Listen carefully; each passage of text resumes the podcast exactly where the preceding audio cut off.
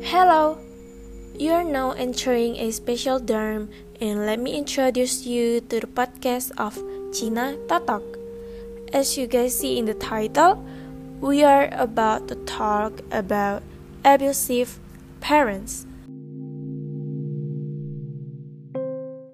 Buat aku, abusive parents is a big deal how itu memengaruhi mental dan perilaku seseorang.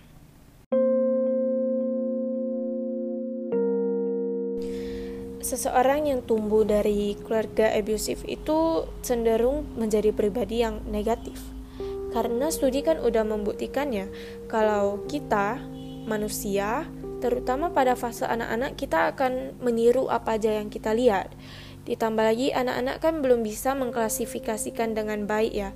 Ini tuh perbuatannya baik atau hmm, tidak baik Ironis jika dia nantinya tumbuh dengan mental yang abusif karena dia meniru apa yang dia lihat dan dia alami. We can say like mama papanya berantem, KDRT, dilibas pakai tali pinggang, disekap di gudang. Well, untuk hukuman-hukuman semacam disekap atau dilibas, I think itu kayak udah jadi common gitu, udah umum. Tapi sejujurnya kalau itu terus dilakukan secara berkala itu sangat tidak bagus bagi mental anak. Takutnya semakin hari batinnya itu semakin terluka. Takutnya lagi sifatnya itu kebawa ke lingkungan. Nah, dia jadi suka tawuran, jadi anarkis atau bahkan jadi psikopat.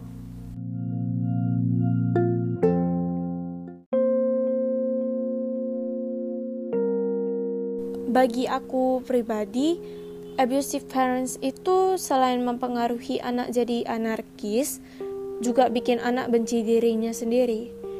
Misalnya self harm. Karena posisinya kadang kita mau membela diri ya. Tapi keadaannya malah makin ricu dan endingnya kita jadi merasa berdosa kan karena memicu orang tua kita bikin kesalahan sama kita. Kita mau speak up, mau jujur, tapi kita terlalu rapuh takut salah bicara sedikit kena pukul. Dan akhirnya semuanya dipendam sendiri aja. Jadinya anxiety sendiri depression. Pelampiasannya ke mana? Ke rokok miras obat-obatan. Susah nyari yang ngertiin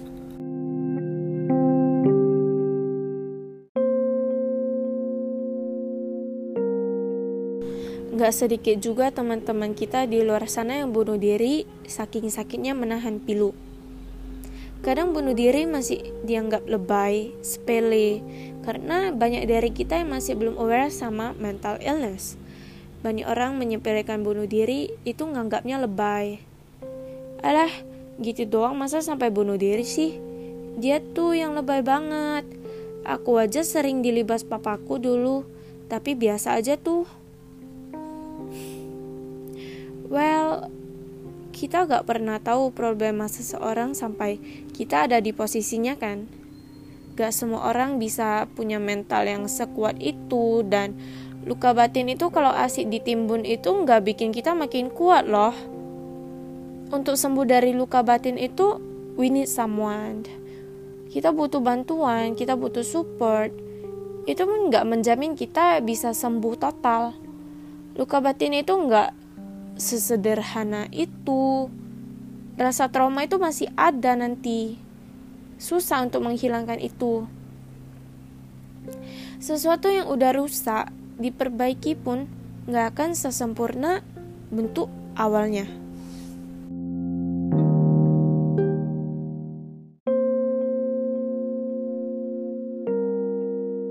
Aku nggak tahu ini salah siapa. Mau speak up terlalu menyakitkan. Mau salahin orang tua, tapi di zaman mereka parenting juga belum sekompleks saat ini ya. Parahnya kalau ternyata itu mereka korban abusive parents, jadi kita anak-anaknya jadi imbasnya. Mau nggak mau, kita lah yang harus jadi mata rantai yang paling akhir. Kita tahu ini salah, ini nggak bagus. Cukup sampai kita aja jangan sampai abusivement ini nurun ke anak cucu kita.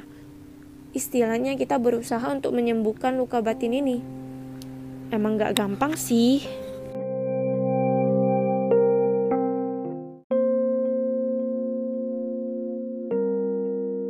The last, fakta pahit kalau enggak semua dari kita lahir dari parents yang lovely, warm, spoiling kids with attention.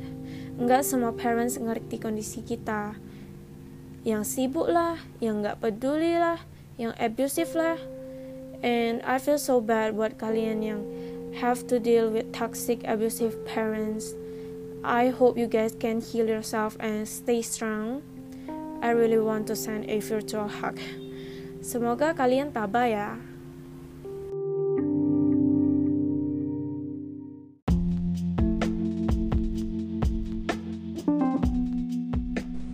Buat kalian yang udah dengar podcast ini. Aku harap kalian suka dan semoga podcast ini memuat nilai guna bagi audiens. See you.